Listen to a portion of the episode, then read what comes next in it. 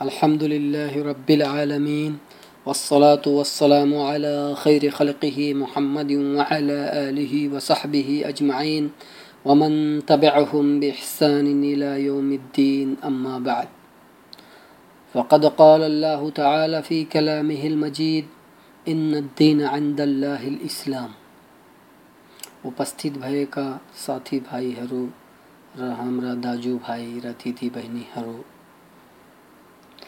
आजको यस शुभ अवसर में म तपाईँहरू समक्ष जीवनको प्रकाशको दोस्रो भाग प्रस्तुत करने गर्नेछु। पछिल्लो बैठकमा हामीहरूले जकातसम्म कुरा गरेका थिएँ र म तपाईँहरू समक्ष जकातभन्दा पहिलाका इस्लामका आधारहरू र इस्लामबारे केही महत्त्वपूर्ण निर्देशनहरू वर्णन गरेको थिएँ। अब आज म तपाईँहरू समक्ष जकातदेखि अगाडि प्रस्तुत गर्दछु। जकातको बारेमा अल्लाह तबारक तालाले भन्नुभएको छ, खुद मिन अमवालिहिम सदकतन तुतहिरुहुम तुजक्कीहिम बिहा। अर्थात् उनीहरूको सम्पत्तिबाट तपाईँले जकात धर्मदाय लिनुहोस् जसबाट तिनीहरूलाई तपाईँले शुद्ध र पवित्र गरिदिनुहोस् सुरत तौबा, श्लोक नम्बर एक सौ तिन।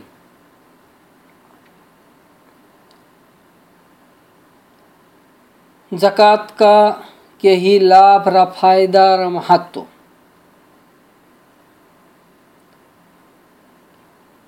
धन सम्पत्तिको प्रेम र चाहना सबैलाई हुन्छ र हुनु स्वाभाविक छ।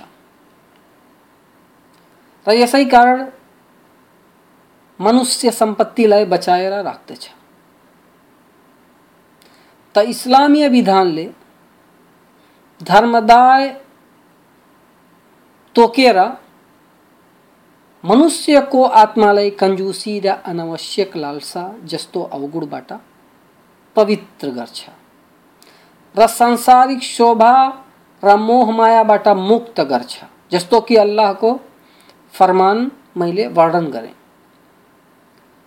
जकात दिनुबाट भाइचाराको सृजना हुन्छ, किनकि मानवको आत्मामा नै स्वाभाविक रूप रूपले यो कुरो जागृत छ कि त्यो त्यस मान्छेसित प्रेम गर्छ जुन त्यस व्यक्तिमाथि उपकार गर्छ तसर्थ जकात दिए पश्चात मुस्लिम समाजमा भएका मान्छेहरू एकअर्कासित प्रेम र स्नेह गर्न थाल्छन् र एकअर्कालाई पर्खाल झैँ बलियो र सशक्त बनाउँछन् यसले गर्दा चोरी, डकैती र उपद्रवका घटनाहरू कम भइहाल्छन् जकातद्वारा भक्तिको अर्थको बोध हुन्छ र पूर्ण नतमस्त मस्तकता श्रद्धा एवं भक्ति अल्लाहकै लागी छा पनी बोध हुन्छ त जब समृद्ध आफ्नो सम्पत्तिबाट जकात निकाल्छ त त्यो अल्लाहको शरीयत विधानको पालना गर्दछ र त्यसको आदेशको पालना गरिरहेको छ? र त्यस जकातलाई निकालेर मान्छे आफूमाथि अल्लाहले गरेको उपकारको आभार प्रकट गर्दछ जस्तो कि अल्लाहको फरमान छ ल शकर तुम ल अजिदन्नकुम अर्थात् यदि तिमी कृतज्ञता प्रकट गर्दछौ त हामी तिमीलाई धेरै बरु अझै दिन्छौ। सुरत इब्राहिम श्लोक नम्बर सात। र जकात दिनुबाट सामूहिक एकता र समानताको बोध हुन्छ र समाजका समस्त मान्छेहरूमा समानताको बोध हुन्छ त यसको त यसको निष्कासन गरी त्यसका अधिकारीहरूलाई दिए पश्चात संपत्ति समाजको कुनै विशेष सम्प्रदायमा सीमित र भण्डारण रहँदैन। अल्लाहको फरमान छ कैला यकुन दुलतम अर्थात् ताकि तिमीहरू मध्ये जो धनवान छन् उनीहरूकै हातमा यो धन घुम्दै नरहोस् सुरतुल हश्र, श्लोक नम्बर सात। जुन सम्पत्तिको मालिक मान्छे आफ्नो दैनिक उपभोग गर्नुको लागि मात्र होस्, त्यसमा जकात छैन। जसरी मान्छेको घर, जसमा त्यो बस्छ, चाहे त्यो अति महँगो किन नहोस् र गाडी जसमाथि त्यो सवारी गर्छ यद्यपि त्यो धेरै महँगो किन नहोस्, र यस्तै त्यसका लुगा, भाडा आदि। बरु अल्लाहले जकात केही विशेष सम्पत्तिमाथि अनिवार्य गरेको छ, जुन संपत्ति त्यसको दैनिक आवश्यकता भन्दा भन्दा बढी हुन्छ। र त्यो संपत्ति स्वाभाविक तरिकाले वृद्धि पनि हुन्छ, र ती संपत्ति सम्पत्तिहरू यी हुन्। सुन चाँदी जुन सिङ्गारको लागि प्रयोग गरिँदैन न त आभूषणको रूपमा लगाउनुको लागि प्रयोग गरिन्छ। अचल संपत्ति र ती रुपैयाँहरू जसको त्यो मालिक होस् वा त्यसलाई ब्याङ्क ब्यालेन्स गरेको होस्, समस्त प्रकारका व्यापार र व्यवसायहरू, जसरी घर जग्गा एवं खानेकुराहरूको व्यवसाय, धरतीबाट उब्जने उपजमा जसरी अन्न, फल, फूल आदि र खेतीका केही विशेष थरीहरूमा जकात अनिवार्य छ। यदि त्यो इस्लामीय विधानले तोकेको मात्रासम्म पुग्दछ। जनावर मध्ये गाई, ऊँट र बाख्रामा मात्र जकात अनिवार्य छ। यदि ती जनावरहरू आफै चरेर आफ्नो पेट भरुन्, र उनीलाई चराउनको लागि वा उनीहरूको चाराको लागि तिनका मालिकलाई पैसा खर्च नगर्नु परोस्, त जकात एक वर्ष बीते पश्चात निकाल्नु पर्छ कमरी चन्द्रीय वर्ष जसमा तिन सौ चौवन दिन हुन्छन् तर अन्न र फलफुलको लागि वर्ष बित्नु शर्त छैन। तर त्यस धनको मालिक हुनु प्रत्येक धनको जकातको लागि शर्त छ। इस्लामले जकात पाउने मान्छेहरूको वर्गीकरण गरेको छ र वितरण गर्ने नियम बताएको छ। नियम बमोजिम नै जकातको वितरण गरिन्छ। तर मुसलमान मान्छे इस्लामले तोकेका मान्छेहरू वा साधनहरू मध्ये कुनै एकलाई चयन गरी आफ्नो जकात प्रदान गर्न सक्छ। र इस्लामले वर्णन गरेका समस्त वर्गहरूमा जकातलाई वितरण गर्न सक्छ। वा जकातलाई एकत्रित गरेर त्यसलाई त्यसका अधिकारीहरूसम्म पुर्याउने काम गर्ने संस्थाहरूलाई पनि दिन सक्छ। तर उचित र उत्तम यो नै छ कि जकातलाई आफ्नो देशभित्रै वितरण गरोस्। जकातका अधिकारीहरू फकीर मिस्किनहरू र यी ती व्यक्तिहरू हुन् जसका दैनिक आव, दैनिक आवश्यकता पनि पूर्ण हुँदैनन्। दास जसले आफूलाई स्वतन्त्र गर्नुको लागि आफ्नो स्वामीबाट आफूलाई किनिसकेको होस् त त्यसलाई जकातबाट दिएर स्वतन्त्र हुनुमा सहायता प्रदान गर्न सकिन्छ। जकातको असुली र वितरण गर्नेहरूलाई जकातबाट दिन सकिन्छ जिनलाई हाकिमले यस कार्यको लागि नियुक्त गरेको होस्। जस मान्छेमाथि ऋण होस् र त्यो ऋणको भुक्तान गर्नुमा सूक्ष्म नहोस् अब चाहे त्यो ऋण समाजको भलाइको उद्देश्यले लिएको होस्, वा आफ्नो कुनै समस्या समाधान वा व्यक्तिगत स्वार्थको लागि लिएको होस्। कुनै फरक पर्दैन। अल्लाहको युद्ध करने गर्नेहरू जुन आफ्नो धर्म र देश मातृभूमिको सुरक्षाको लागि युद्धरत होस्, र यसमा ती सब क्रियाकलाप सम्मिलित छन्, जसद्वारा इस्लामको प्रचार प्रसार होस् वा इस्लामको सम्मानमा बढोत्तरी होस्। यस्तै हृदयलाई जोड्नुमा र यसको अर्थ हो, ती व्यक्तिहरूलाई जकात प्रदान गर्नु, जुन नयाँ मुसलमान भएका छन्, वा जसको इस्लाम कबुल गर्ने सम्भावना होस्, तर यस्ता मान्छेहरूलाई मान्छे आफै जकात दिन सक्दैन। बरु यो हाकिमको कार्यको सीमा अंतर्गत आउँछ र यस्तै त्यहाँ भएका ती संस्थाहरूको अंतर्गत आउँछ, जुन जकातको असुली र वितरणमा संलग्न छन्, जुन यसबाट हुने लाभ र हानिलाई राम्ररी जान्दछन्। यस्तै यात्रुहरू, जुन त्यहाँ अपरिचित र निसहाय छन् र यात्रामा त्यसको मालको चोरी वा डकैती भइहालेको छ अनि त्यसलाई मालको आवश्यकता आइपरेको छ। अब चाहे त्यो आफ्नो गाउँ सहरमा समृद्ध किन नहोस्, यस यात्रामा त्यसको लागि जकातको धन लिनु जायज़ छ, किनकि अल्लाहको फरमान छ, इन्नमा सदकात लिल फुकराई वल मसाकिन वल आमिलिन अलैहा वल मुअल्लफ, वल मुअल्लफति फिर रिकाबि वल गारिमीन, व फ़ी सबीलिल्लाहि व इब्निस सबील। अर्थात सदका धर्मदाय मात्र गरिब र निमुखाहरूको निम्ति हुन्, र जो यस कामका लागि नियुक्त गरिएका हुन्, र उनीहरूको लागि जसका हृदयलाई आकृष्ट गर्नु र रिझाउनु अभिष्ट हुन्छ, र दासहरूलाई मुक्त गराउनुमा र ऋणीहरूको ऋण तिर्नुलाई र अल्लाहको बाटोमा र यात्रीहरूको सहायताको निम्ति। सुरत तौबा, श्लोक नम्बर साठी। रह्यो रह्यो कुरो दानको तदान गर्नु, उपकार गर्नु, मुसलमान को नैतिकता र शिष्टाचार हो। र मुसलमान कदापि कंजूस हुन सक्दैन, त्यसको इमानको कारण त्यसको हृदय फराकिलो हुन्छ, चाहे त्यो गरिब किन नहोस्।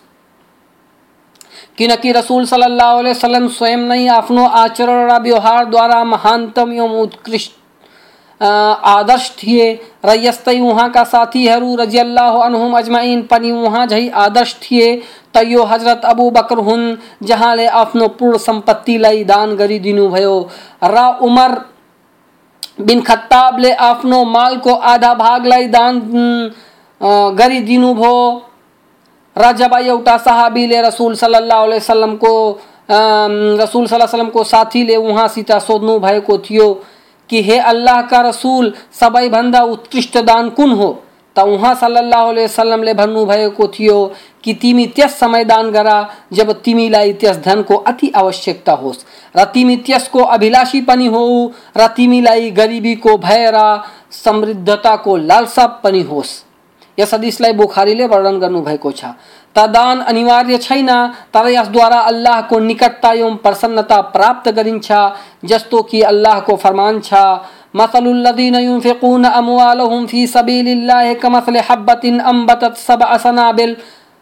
अल आया अर्थात जुन मानिसहरूले अल्लाहको मार्गमा आफ्ना संपत्ति खर्च गर्दछन्, त्यसको उदाहरण, त्यस दानको जस्तो छ, जसबाट सातवटा बालाहरू निस्कन्छन् र प्रत्येक बालामा सय सयवटा दानाहरू हुनेछन् र अल्लाहले जसको सम्पत्तिमा चाहन्छ वृद्धि गर्दछ र अल्लाह अत्यन्त सर्वव्यापी र प्रत्येक कुरोको ज्ञाता छ। सुरतुल बकरा, श्लोक नम्बर दुई सौ तादान स्वर्ग का ढोगाहरू मध्य एक हो, जस्तो कि हदिसमा वर्णन छ, जुन मान्छे दानी हुन्छ, त्यसलाई दान नामक ढोकाबाट पुकारिन्छ। यस हदिसलाई बुखारी र मुस्लिम दुबईले वर्णन गरेका छन्। दान गर्नुबाट अल्लाहको निकटता प्राप्त हुन्छ, र कष्टबाट मुक्ति प्राप्त हुन्छ, र रोगी स्वस्थ भइहाल्छ, र संपत्ति र जीविकामा वृद्धि हुन्छ। जस्तो कि रसुल सल्लाह वसलमको भनाइ छ, प्रत्येक बिहान प्रातःकाल दुई फरिस्ताहरू अवतरित हुन्छन्, र तीमध्ये एउटाले भन्छ, हे अल्लाह, दानीलाई राम्रो प्रतिफल प्रदान गर, र दोस्रो भन्छ, हे अल्लाह कन्जुसलाई विनष्ट गर। यस हदिसलाई बुखारीले वर्णन गर्नुभएको छ। र दान गर्नुबाट मुसलमानहरू बीच प्रेम भाव र भाइचारालाई जीवित गरिन्छ। र यो त्यो सुकर्म हो, जुन मान्छेको मरणोपरान्त पनि बाँकी रहनेवाला छ।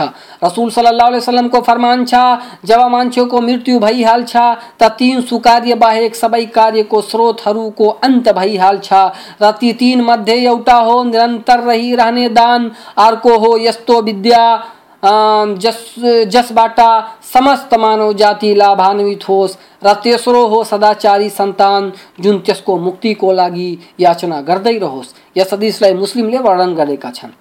र दान त्यो हो, जुन अल्लाहको मार्गमा खर्च गरियोस्। र त्यसमध्ये सर्वोत्कृष्ट दान हो, जुन आफ्नो परिवारमाथि खर्च गरिन्छ। शर्त यो छ कि यसबाट नियत यो होस् कि अल्लाह यस कार्यबाट प्रसन्न भई राम्रो प्रतिफल प्रदान गरून्। र आफ्नो भाइको मुखमा मुस्काउनु पनि दान हो जस्तो कि अल्लाहको फरमान छ, व अन तसद्दकु खैरुल लकुम मिन कुन्तुम तालमुन यदि तिमीले त्यसलाई दानको रूपमा प्रदान गरिदिन्छौ, भने तिम्रो नीति सबैभन्दा राम्रो हुन्छ, यदि यो कुरा तिमी बुझ्दछौ भने। सुरतुल बकरा, श्लोक नम्बर दुई सौ अस्सी। अब कुरा गरौँ रमजानको व्रतको अल्लाहले मुसलमानहरूमाथि पूर्ण वर्षमा एक महिनाको व्रत अनिवार्य गरेको छ। र त्यो महिना कल्याणकारी रमजानको महिना हो। र यसलाई व्रतलाई इस्लामका आधारहरूमध्ये चौथो प्रमुख आधार बनाइएको अल्लाह को फरमान छ। या अय्युहल्लज़ीन आमनु कुतिबा अलैकुमुस्सियामु कमा कुतिबा अलल्लज़ीन मिन क़ब्लिकुम लअल्लकुम लअल्लकुम तत्तकून।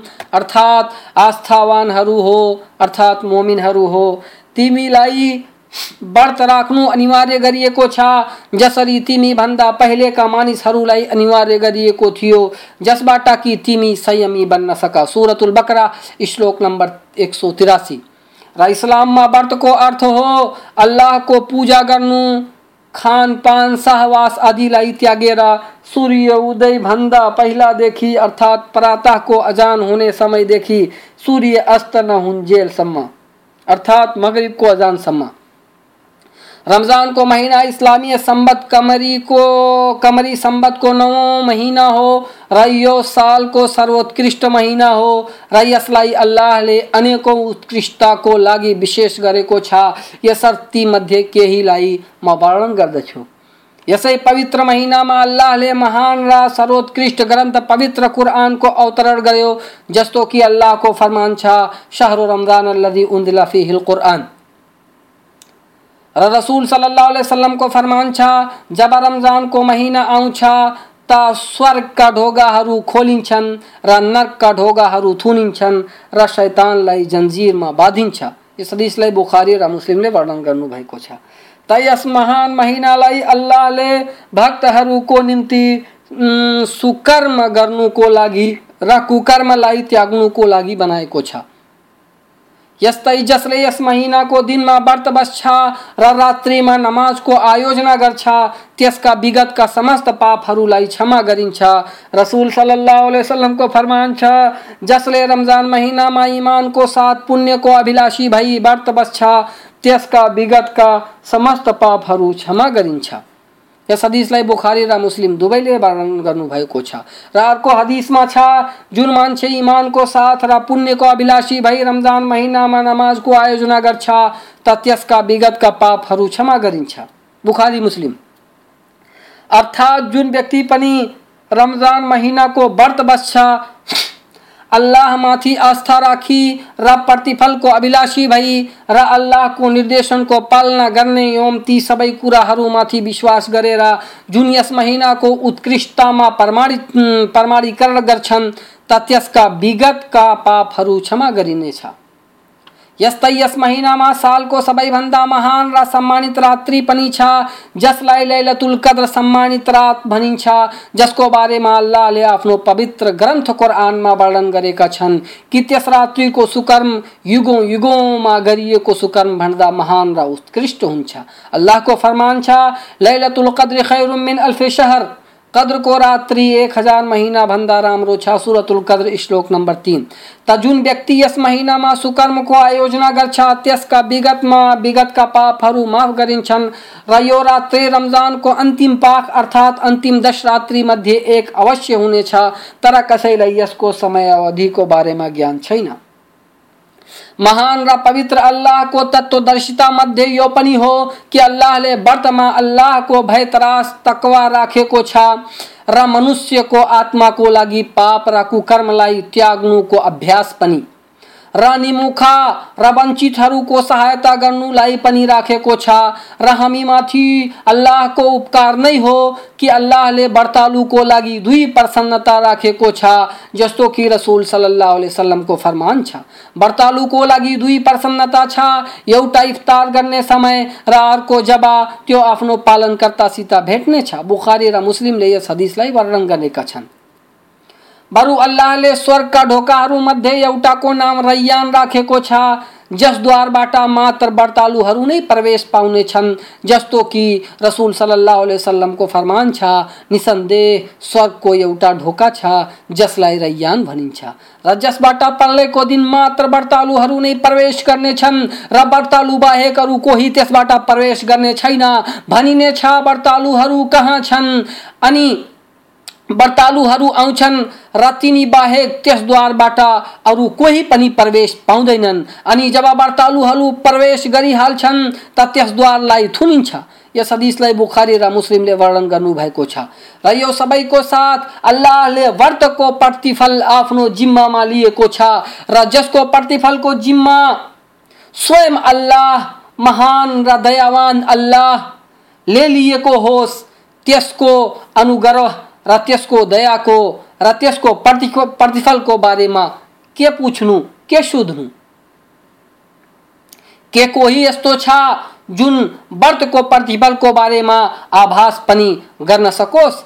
रसूल सल्लल्लाहु अलैहि वसल्लम को फरमान छा कि अल्लाह को भनाई छा आदम को संतति को प्रत्येक कर्म त्यसै को लागि हो, व्रत बाहेक र व्रत मेरो लागि हो, तसर्थ यसको प्रतिफल म नै दिनेछु।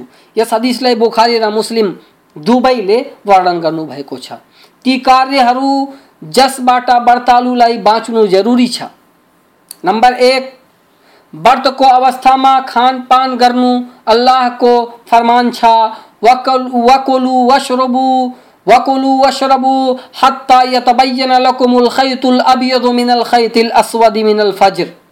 सुम्मा अतिम्मु सियाम अर्थात तिमीले तबसम्म खान पान गर, जबसम्म कि प्रातको सेतो धरको, रातिको कालो धर्कोबाट स्पष्ट नभइहालोस्।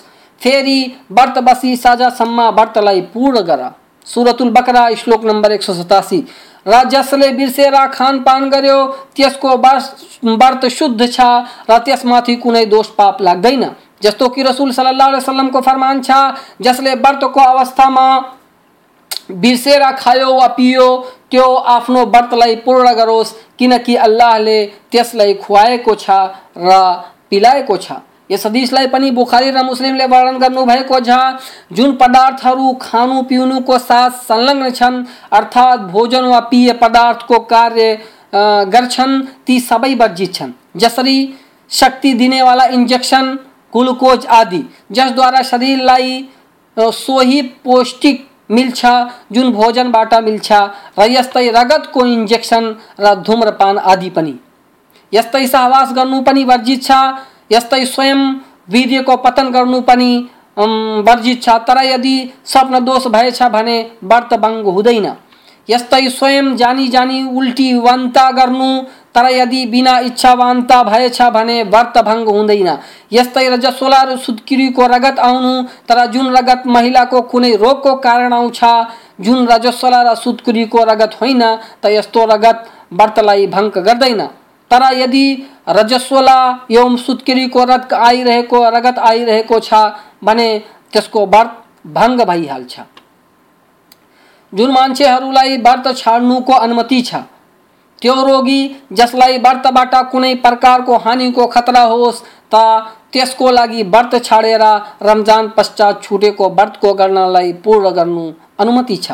यस्तै वृद्ध मान्छे जुन अति बुढो भइसकेको छ वा यस्तो रोगी जसको सन्चो हुने सम्भावना नहोस् त यस्ता मान्छेहरूको लागि व्रतलाई छाड्नुको अनुमति छ। तर त्यसको लागि यो आवश्यक छ कि प्रलय कि प्रत्येक व्रतको लागि यो त्यो गरिब वा मिस्किनलाई भोजन गराओस्।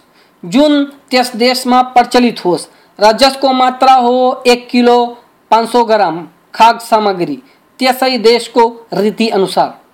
यस्तै यात्रु जुन आफ्नो यात्रामा होस्, र चार दिनभन्दा कम रुकेको होस्, त त्यसको लागि व्रत त्याग्नु जायज़ छ, र यसको पूर्ति त्यसलाई रमज़ान पश्चात गर्नुपर्ने छ जस्तो कि अल्लाहको फरमान छ, वमन कान मरिदन औ अला सफरिन फइद्दतुम मिन अयामिन उखर, युरिदुल्लाहु बिकुमुल युस्र वला युरिदु बिकुमुल उस्र।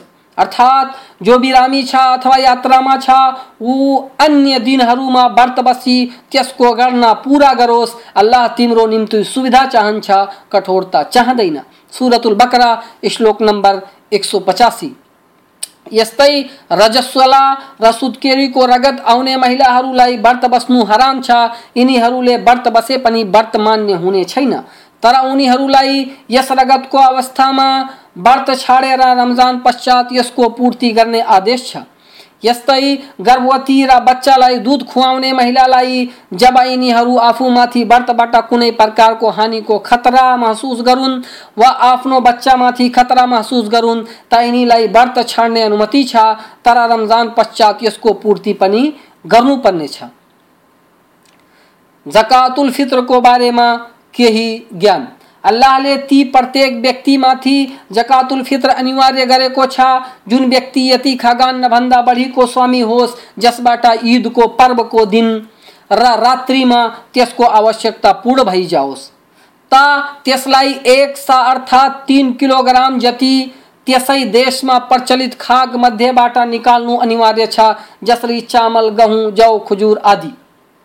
जुन त्यस जुन त्यस गरिब मिस्किनहरूमा वितरण गरियोस्, ताकि ईदको दिन कुनै मिस्किन खानुबाट वञ्चित नरहोस् र यसलाई निष्कासन गर्ने समय हो, रमजानको अन्तिम दिनको, मगरिबको समयदेखि ईदको नमाज़ पढ्नु अलि अघिसम्म। तर ईदभन्दा एक दुई दिन, एक दुई रात्रि अघि पनि यसलाई निकाल्न सकिन्छ। र यो जकात मान्छेमाथि स्वयं त्यसको तर्फबाट र ती सबै व्यक्तिहरूको तर्फबाट निकाल्नु जरुरी छ, जिनको पालन पोषणको दायित्व त्यसैमाथि छ। जसरी त्यसको श्रीमती, त्यसका सन्तानहरू र उत्तम यो छ कि गर्भमा भएको बच्चाको तर्फबाट पनि जकातुल फित्र निकालोस् र प्रत्येक व्यक्तिको तर्फबाट एक साथ तिन किलोग्राम निकाल्नुपर्छ र यस र यस जकातलाई रसूल सल्लल्लाहु अलैहि वसल्लमले अनिवार्य गर्नुभएको छ उहाँको भनाइ छ। यो जकातुल फित्र व्रतालुको लागि, अनुचित कार्य र कुराहरूको लागि पवित्रता हो, र गरिबहरूको लागि भोजन हो। त जसले यसलाई ईदको नमाज़ अघि नै निकालेर वितरण गरेर समाप्त गर्यो त्यसको जकात स्वीकार्य भयो, र जसले यसलाई ईदको नमाज़ पश्चात निकाल्यो त त्यो मात्र दान मध्येको दान सरे हो। ईद को कल्याणकारी पर्व। यो इस्लामीय पर्व हो, यस्तो दिन जसमा अल्लाहका भक्तहरू आफ्नो खुसी र प्रसन्नतालाई सुदर्शित गर्छन्। अल्लाहको पूजालाई सफलतापूर्वक सम्पन्न गर्नुको कारणले र त्यसको त्यस अनुकम्पाको आभार प्रकट गर्नुको उद्देश्यले जुन अल्लाहले उनीहरूमाथि गरेको छ। र उनीहरूलाई सुमार्गमा लगाएर यस पूजाको सुअवसर प्रदान गरेको छ। र यस पर्वमा राम्रो र नयाँ लुगा लगाएर प्रसन्नता दर्शाउनु वैधानिक र स्वाभाविक कुरो हो र अरूलाई खुस गर्नु अति उत्तम कार्य हो।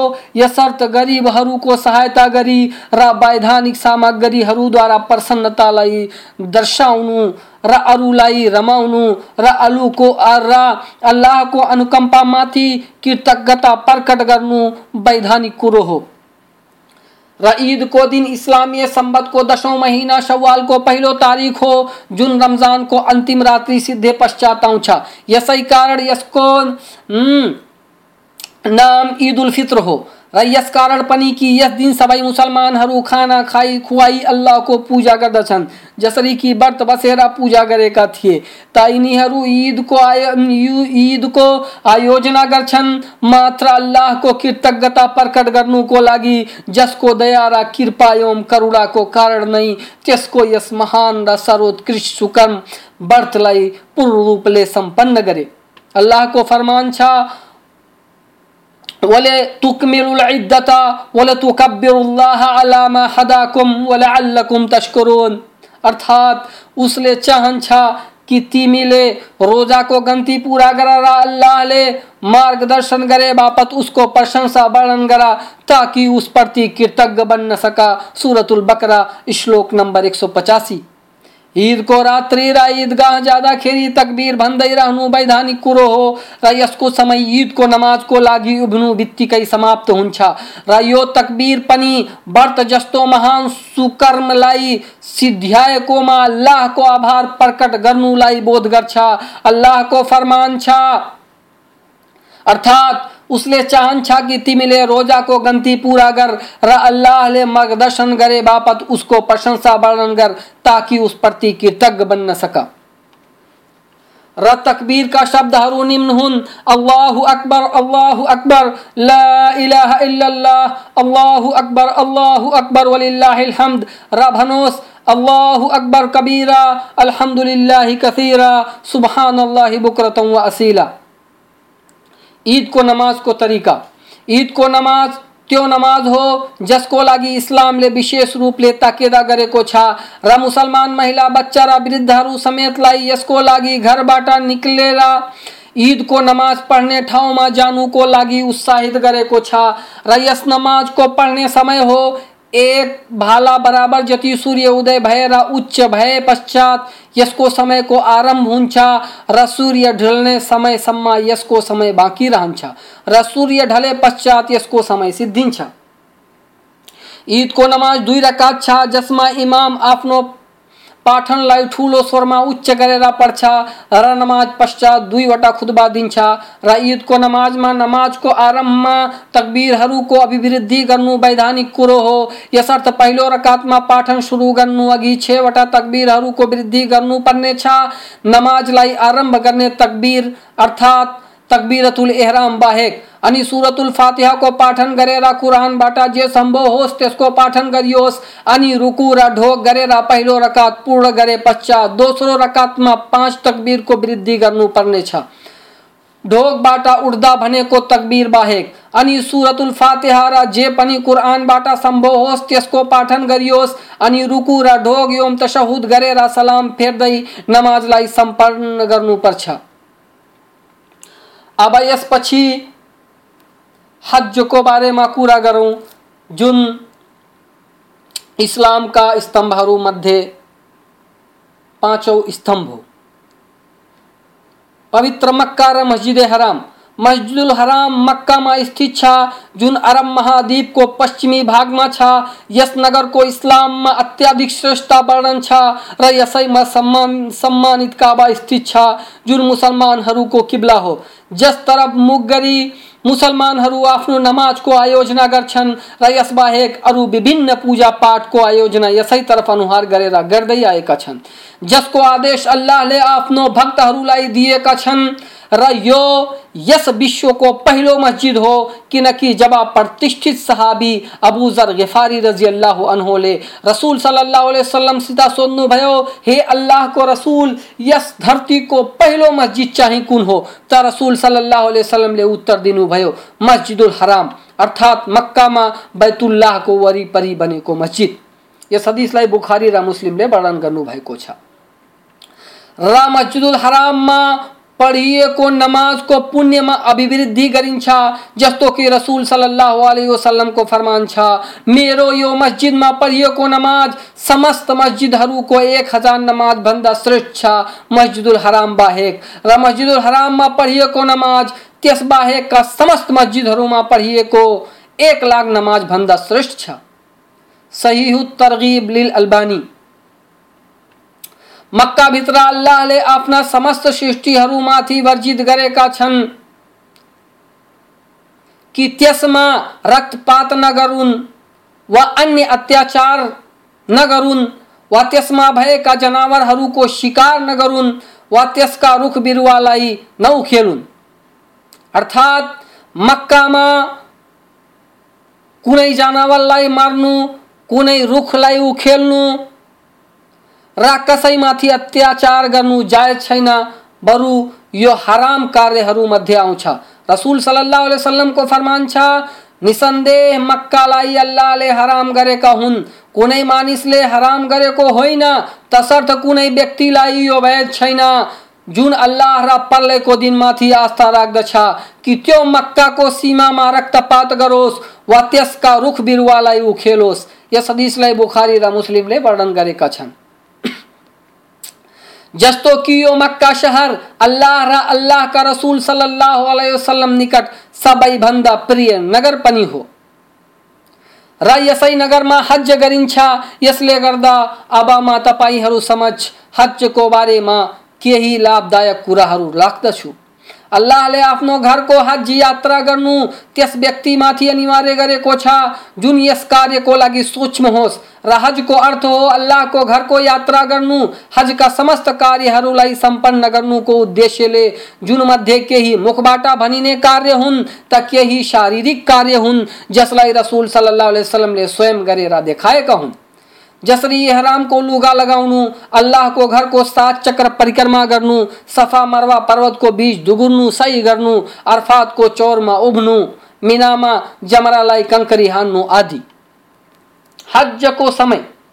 हजका कार्यहरू जिलहिज्जा महिनाको आठ तारिकदेखि तेह्र तारिकको बीच गरिन्छ र यो महीना इस्लामीय संबत को बारह महीना हो, र हज अनिवार्य होने को प्रमुख सर्वप्रथम शर्त यो हो कि हज करने व्यक्ति मुसलमान, व्यस्क र सामर्थ्यवान होस्।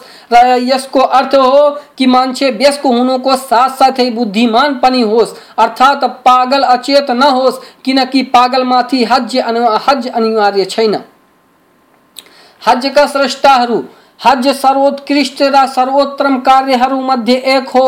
किनकि जब रसुल सल्लाह वसलमसित सोधियो कि सर्वोत्कृष्ट कार्यहरू कुन कुन हुन्, त उहाँको उत्तर थियो, अल्लाह र त्यसको सन्देष्टामाथि आस्था राख्नु अनि सोधियो, त्यसपछि कुन कार्य हो, त उहाँले भन्नुभयो, अल्लाहको मार्गमा युद्ध गर्नु अनि सोधियो, तत्पश्चात त उहाँले भन्नुभयो, स्वीकृत हज। यस हदिसलाई बुखारी र मुस्लिमले वर्णन गर्नुभएको छ। हजको मौसम क्षमा याचना को लागि विशाल अवसर हो। रसूल सल्लल्लाहु अलैहि वसल्लमको फरमान छ, जसले हज गर्छ र अनुचित कुरा र कार्यहरूबाट बाँच्छ त त्यो आफ्नो घर यसरी फर्केर आउँछ जसरी आफ्नो आमाको पेटबाट पाप मुक्त जन्मेको थियो। यस हदिसलाई बुखारी र मुस्लिमले वर्णन गर्नुभएको छ। अर्थात् पाप मुक्त भएर आफ्नो घर फर्कन्छ जसरी आमाको पेटबाट अझै पाप मुक्त जन्मेको होस्। यस्तै हजको मौसम, नर्कबाट मुक्त हुनुको अवसर हो। रसुल सल्लाह वसलमको फरमान छ अरफातको दिन जस्तो अधिक अल्लाह अरू कुनै दिन पनि भक्तहरूलाई नर्कबाट मुक्ति प्रदान गर्दैन। यस हदिसलाई मुस्लिमले वर्णन गरेका छन्। यस्तै हजको प्रतिफल स्वर्ग हो। रसुल सल्लाह वसलमको फरमान छ स्वीकृत हजको प्रतिफल स्वर्ग बाहेक केही होइन। यस हदिसलाई बुखारी, मुस्लिम दुवैले वर्णन गरेका छन्। हाम्रो सम, हाम्रो समाज र स्वयं हाम्रो लागि हजमा विशाल र महान उद्देश्यहरू छन्। यसै कारण जब अल्लाहले हामीमाथि अनिवार्य गरेको, हदी बलिको वर्णन गरेको छ, जसलाई हाजी, मान्छे कुर्बानीको दिन अल्लाहको निकटता प्राप्तिको लागि बलि गर्छ, त भलेको, भनेको छ वला दिमाउहा अर्थात् कुर्बानीको मासु अल्लाह छेउ पुग्दैन न त उनीहरूको रगत। अपितु उसलाई त तिम्रो हृदयको धर्मपरायणता मात्र पुग्दछ। सुरतुल हज श्लोक नम्बर सैतिस। र रसुल सल्लाह सल्लमको फरमान छ बैतुल्लाहको परिक्रमा, सफ़ा मरवा बीच दुगुड्नु र कङ्करी हान्नुलाई अल्लाहले मात्र आफ्नो सतुति गर्नुको लागि अनिवार्य गरेको छ। यसलाई अबु दाउदले वर्णन गर्नुभएको छ। र हजका उद्देश्यहरूमध्ये केही अल्लाह को लागि। पूर्णतया नतमस्तक हुनु। किनकि हाजी सिङ्गार र रमाउने कुराहरूबाट बाँच्छ र एहरामको सेतो लुगा लगाएको हुन्छ। जुन यो जाहेर गर्छ कि त्यो अल्लाहको मुखापेक्षी छ र त्यो संसारिक लोभ लालसाबाट मुक्त छ, जुन त्यसलाई अल्लाहको निकटताबाट टाढा लाग्ने सामग्रीहरू हुन्। अनि त्यो आफ्नो मालिकको कृपा, दया र क्षमाको अधिकारी भइहाल्छ। अनि अर्फातको चौरमा आफ्नो पालनहारको सामुन्य नतमस्तक भई त्यसले त्यसमाथि गरेको अनुकम्पा र उदार अनुग्रहको आभार प्रकट गर्छ। र आफ्नो पापको क्षमाको लागि रुई रुई याचना गर्दछ। यस्तै मान्छे हज गरेर दुई प्रकारले अल्लाहको कृतज्ञता प्रकट गर्दछ। प्रथम अल्लाहले त्यसलाई प्रदान गरेको सम्पत्तिबाट कृतज्ञता प्रकट गर्दछ। र दोस्रो अल्लाहले प्रदान गरेको स्वस्थ शरीरबाट त्यसको आभार प्रकट गर्छ। र यी दुवै कुरा पूर्ण विश्वका ती महान र सर्वोत्तम अनुग्रहहरू मध्येका एक हुन्। जुन सांसारिक जीवनको लागि अति आवश्यक छन् र जुन त्यसलाई अल्लाहद्वारा प्रदान गरिएका छन्, त मान्छे हजको माध्यमले यी दुवै अनुकम्पालाई पाएकोमा आफ्नो पालनकर्ताको कृतज्ञतालाई प्रकट गर्नुलाई दर्शाउँछ। र यो यसरी कि मान्छे आफ्नो शरीरले हजका समस्त कार्यहरूलाई गर्नुमा परिश्रम गर्छ। र आफ्नो माललाई हजको लागि खर्च गरेर। आफ्नो पालनकर्ताको निकटताको अभिलाषी हुन्छ। र त्यसको आदेशको अनुपालन गर्छ। यस कुरामा कुनै सन्देह छैन कि अनुग्रहमाथि आभार प्रकट गर्नु स्वाभाविक कुरो हो। जसलाई हाम्रो आत्मा र हृदय पनि स्वीकार्दछ र धर्महरूको विधान अनुकूल पनि छ। यस्तै हजको अवसरमा विश्वका समस्त कुना काप्चाबाट मुसलमानहरू मक्कामा भेला हुन्छन् अनि एकअर्कासित परिचय प्राप्त गर्छन् र एकअर्कासित स्नेह र प्रेमको आदान प्रदान गर्छन् अनि रङ नसलको गोत्र वंश को, समृद्धता, र गरिबीको भाषा, भाषी को, भिन्नता, र भेदभावको अन्त्य भइहाल्छ र मुसलमानहरू एउटै समूह, र सम्प्रदाय हुन्, यो कुरो सिद्ध हुन्छ। यस महान र विशाल मानवताको सभामा जसरी कि साहबाहरूको एकमत भएको थियो। भलाइ र अल्लाहको तकवामाथि र सत्कर्मको निमन्त्रण र कुकर्मबाट रोक्नुमाथि यस हजका उद्देश्य विशाल र महान छन् जुन संसारिक जीवनको स्रोतलाई आकाशको साधनबाट जोड्दछन् संलग्न गर्दछन् यस्तै हज मुसलमानलाई पर्लेको दिनलाई सम्झना गराउँछ।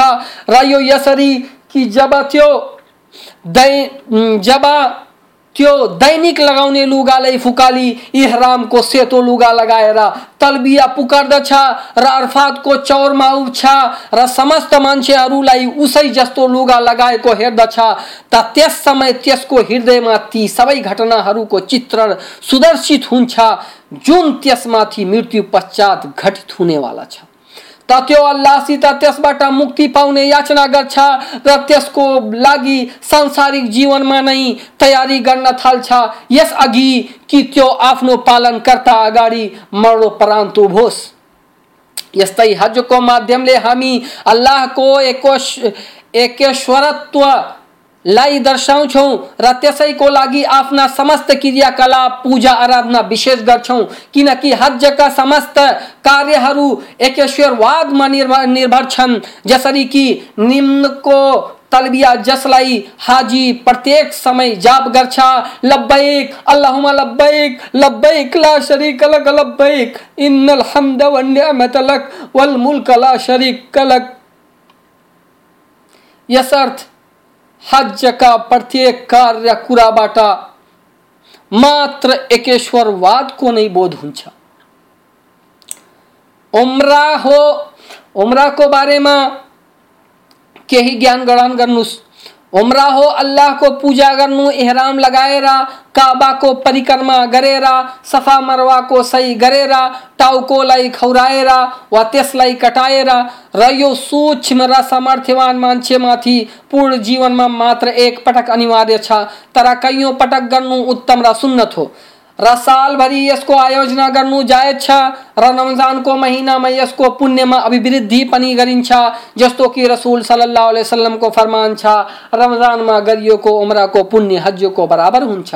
यसलाई बुखारी र मुस्लिमले वर्णन गर्नुभएको छ। अब म तपाईँहरू समक्ष उम्राको तरिका प्रस्तुत गर्दछु।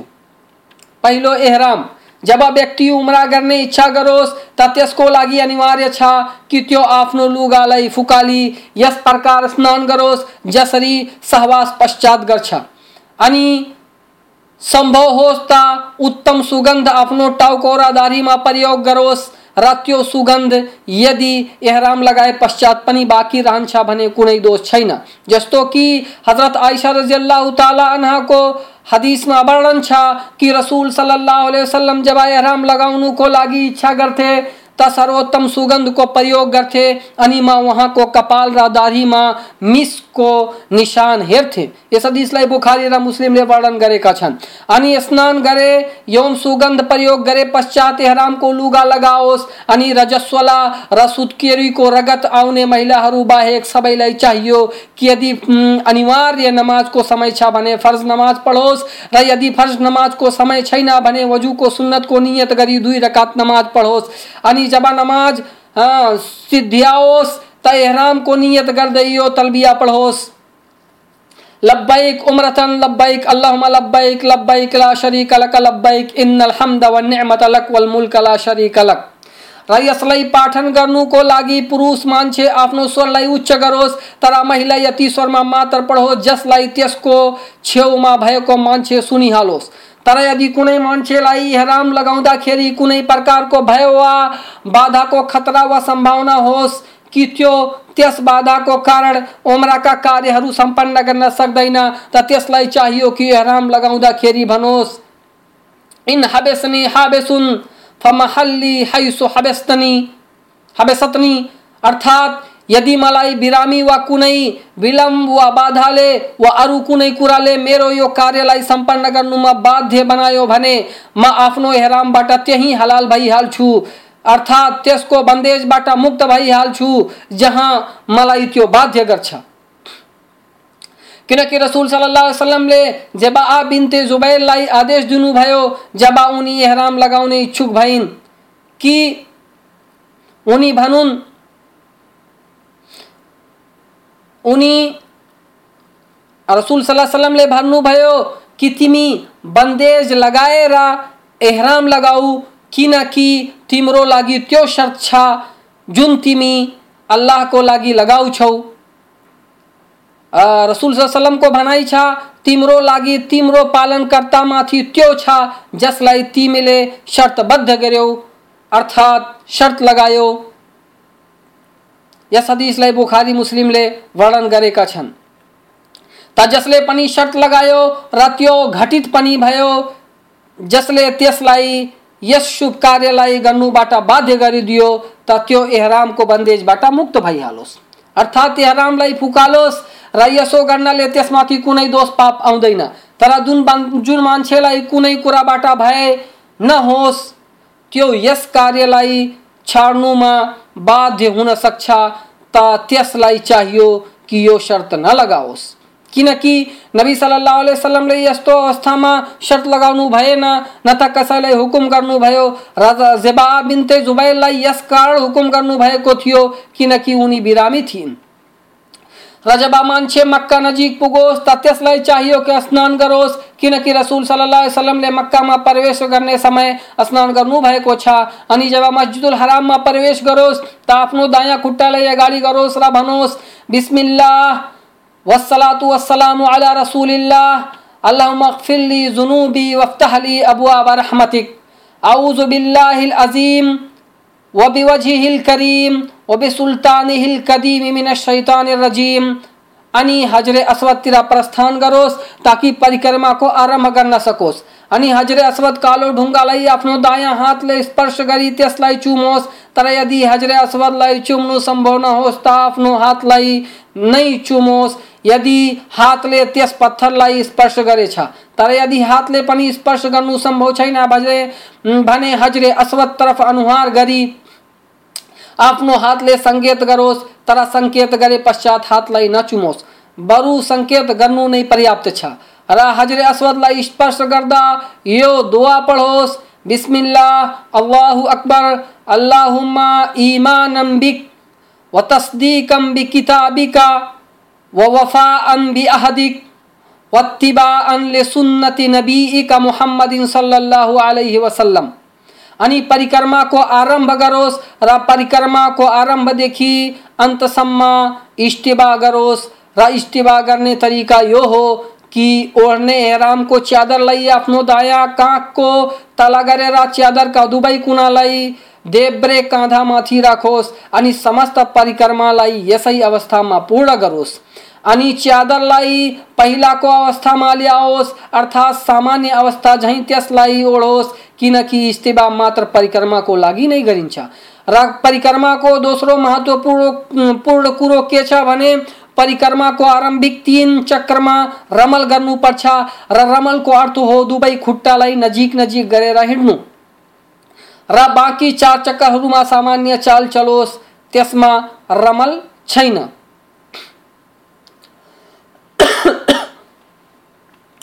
अनि बैतुल्लाहलाई आफ्नो देब्रे तरफ़ गरेर परिक्रमा गरोस् र जब रुक्ने यमानी, यमनी कुनासम्म पुगोस्, त त्यसलाई स्पर्श गरोस्, तर त्यसलाई चुम्नु वा त्यसलाई स्पर्श गरेर हातलाई चुम्नु अवैधानिक छ। तर यदि भिडको कारण त्यसको स्पर्श त्यसलाई स्पर्श गर्न सक्दैन भने कुनै आपत्ति छैन। यसर्थ त्यसलाई स्पर्श गर्नुको लागि अरू हाजीहरूलाई कष्ट पुगाउनु अवैधानिक कुरो हो। र रुकने, यमानी, र हजर असवद बीच यो दुआ को पाठन करोस। रब्बना आतिना फिद दुनिया हसनतम व फिल आखिरति हसनतम वकिना अजाबन्नार।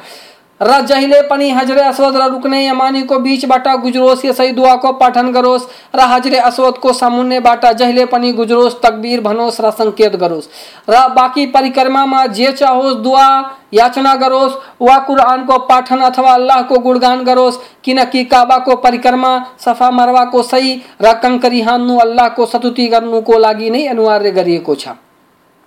अनि जब सात चक्र पूर्ण गरी हालोस, त मुकामे इब्राहिम तरफ़ प्रस्थान करोस राया पढ़ोस, रयो पढ़ोस। वत्तखजु मिन मकामी इब्राहिम मुसल्ला। अनि त्यसको पछाडि दुई रकत नमाज़ पढोस्। पहिलो रकतमा सुरतुल फातिहा, पश्चात सुरतुल काफिरुनको पाठन गरोस्। र दोस्रो रकातमा सुरतुल फातिहा पश्चात सुरतुल इखलासको पाठन गरोस्। अनि जब दुई रकात पढेर समाप्त गरोस् त हजरे अस्वदसम्म आओस् र यदि सम्भव होस्, त त्यसलाई स्पर्श गरोस्। अनि मसा सही गर्ने ठाउँतर्फ लागोस्, र जब सफ़ा पर्वतबाट नजिक भइहालोस् त यो दुआ पढोस्, इन्न सफ़ा वल मर्वत मिन शाइरिल्लाह। अनि सफ़ा पर्वतमाथि यति चढोस् कि काबाको दर्शन हुन सकोस्। अनि आफ्नो अनुहार काबातिर गरेर दुवै हातलाई उठाएर जे चाहोस्, दुआ गरोस् र रसुल सल्लल्लाहु अलैहि वसल्लम त्यहाँ निम्नको दुआ गर्थे। ला इलाहा इल्लल्लाहु वहदहु ला शरीक लहु, लहुल मुल्क व हुवल हम्दु व हुवा अला कुल्लि शैइन कदीर। ला इलाहा इल्लल्लाहु वहदहु अनजज़ वअदहु व नसर यस दुआलाई तीन चोटी पढोस् र यसबीच जे चाहोस्, याचना गरोस् अनि सफ़ा पर्वतबाट झरोस् र मरवा पर्वततर्फ हिँड्दै जाओस्। र जब सङ्केतक हरियो बत्तीसम्म पुगोस्, त क्षमता अनुसार दुग्रोस्, तर कसैलाई कष्ट नपुगाओस्। अर्थात आफ्नो दुगराईबाट कसैलाई कष्ट नपुगाओस् र हदिसमा वर्णन छ कि रसुल सल्लाह वसल्लम यस ठाउँमा यस्तो दौड लगाउँथे कि तपाईँको गोली गाँठ हेरिन्थ्यो र तपाईँको एहरामको च्यादर पिडौलामाथि आई चक्ररत हुन्थ्यो अनि जब दोस्रो सङ्केतक हरियो बत्तीसम्म पुगोस्, त दौडलाई त्यागी सामान्य चाल चलोस्। यहाँसम्म कि मरवा पर्वतसम्म पुगोस्। अनि त्यसमाथि पनि चढेर हात उठाई त्यस्तै दुवा गरो जसरी सफामाथि गरेको थियो। अनि मरवाबाट झरेर साधारण चाल चल्ने स्थानमा साधारण चाल चलोस्, र दुगुड्ने स्थानमा दुग्रोस्, र जब सफ़ा पर्वतमा पुगोस्, त पहिलो झैँ फेरि गरोस्, र यसरी सात चक्र पूर्ण गरोस्, र यो ज्ञात रहोस् कि सफादेखि मरवा पर्वतसम्म एक चक्र भयो, र मरवा देखी सफ़ा सफासम्म दोस्रो चक्र भयो। यसरी सात चक्रको गणनालाई पूर्ण गरोस्, र यसमा जे मन परे दुआ गरोस्, अथवा अल्लाहको सतुति ओम गुणगान गरोस्। अनि जब सात चक्र पूर्ण करी गरिहालोस्, त आफ्नो टाउको खौराओस्, यदि उम्रा गर्ने मान्छे पुरुष हो, तर यदि महिला हो भने एक औँलाको पोर टुप्पो बराबर कपाललाई काटोस्। र टाउको खोराउनुको लागि यो अनिवार्य छ कि समस्त कपाललाई फालोस्। र यस्तै जुन मान्छे कपाललाई नखौराइकन कटाउँछ त्यसको लागि पनि अनिवार्य छ कि समस्त कपाललाई कटाओस्। अर्थात् अधिकांश कपाललाई कटाओस्। र कपाल कटाउनु भन्दा खौराउनु उत्कृष्ट र उत्तम छ। किनकि रसुल सल्लाह वसल्लमले टाउको खौराउनेहरूको लागि तिन पटक दुवा गर्नुभएको छ। र कपाल कटाउनेहरूको लागि मात्र एक पटक। तर यदि हजको दिन नजिक छ र कपालको उब, कपाल उब्जनुमा कपाल उब्जनुमा उब्जनुको सम्भावना छैन भने उमरामा कपाललाई कटाउनु नै उत्तम र उत्कृष्ट मानिन्छ, ताकि हजमा टाउको खौराउनुको अवसर प्राप्त हो र प्रमाण हो नबी सल्लल्लाहु अलैहि वसल्लमको अन्तिम हजमा आफ्ना साथीहरूलाई आदेश गर्नु कि उनीहरू उमरामा आफ्ना कपाललाई कटाउन्, किनकि उनीहरू जिलहिज्जाको चौथो तारिकको दिन बिहानै मक्का पुगेका थिए। त यो वर्णन गरिएका सम्पन्न गरे पश्चात उम्रा पूर्ण भयो। यसर्थ उम्राको संक्षिप्त अर्थ हो एहराम परिक्रमा, सफ़ा मरवाको सही कपाल खौराउनु वा फाल्नु। अनि मान्छे एहरामको बन्देजबाट पूर्ण रूपले मुक्त भइहाल्छ र जे, अब जे चाहोस् त्यो गर्न सक्छ। यस्तै साधारण लुगा लगाएको अवस्थामा जुन र जसरी त्यो कार्यहरू गर्थ्यो सुगन्धहरू लगाउँथ्यो स्वास्नीसित सहवास गर्थ्यो त्यो सबै गर्न सक्छ। त यो थियो जीवनको प्रकाशको बारेमा इस्लामको संक्षिप्त दर्शन। मलाई आशा छ कि यसबाट समस्त हाम्रा सुन्ने दाजुभाइहरू र दिदीबहिनीहरूलाई लाभ पुग्नेछ र यसबाट हाम्रा गैर मुस्लिम साथीभाइहरूलाई पनि लाभ पुग्नेछ। मलाई, म अल्लाहसित यो बिन्ती गर्दछु कि हे अल्लाह, हामी सबैलाई इस्लाम धर्मलाई पूर्णतया बुझ्ने र त्यसै बमोजिम कार्यरत रहने सो अवसर प्रदान गर। हे अल्लाह, जुन मान्छेहरू, जुन हाम्रा भाइहरू जुन हाम्रा दिदी बहिनीहरू निसन्तान छन्, उनीहरूलाई सन्तान प्रदान गर। उनीहरूलाई सन्तान प्रदान करी गरी उनीहरूको मुटुलाई शीतल पार। हे अल्लाह, जुन हाम्रा भाइहरू र दिदी बहिनीहरू गरिब छन्, असहाय छन्, निसहाय छन् उनीहरूलाई समृद्धता प्रदान गर, र उनीहरूलाई पनि आफ्नो घरको जियारत गराऊ। उनीहरूलाई पनि आफ्नो घरको भ्रमण गर्ने सौभाग्य प्रदान गर। हे अल्लाह, हामी सबैलाई पूर्ण संसारलाई, हे अल्लाह, हामी सबैलाई पूर्ण संसारका मान्छेहरूलाई यो अवसर प्रदान गर कि उनीहरू मोहम्मद सल्लल्लाहु अलैहि वसल्लमले ल्याएका धर्म इस्लामको सत्यतालाई सम्झुन्, बुझुन् अनि बुझेर त्यसमाथि पूर्णतया विश्वास गरून् र पूर्णतया विश्वास गरेर त्यसै बमोजिम कार्यरत भई तेरो स्वर्गको अधिकारी होन्। वाखरुद्दावान अनिल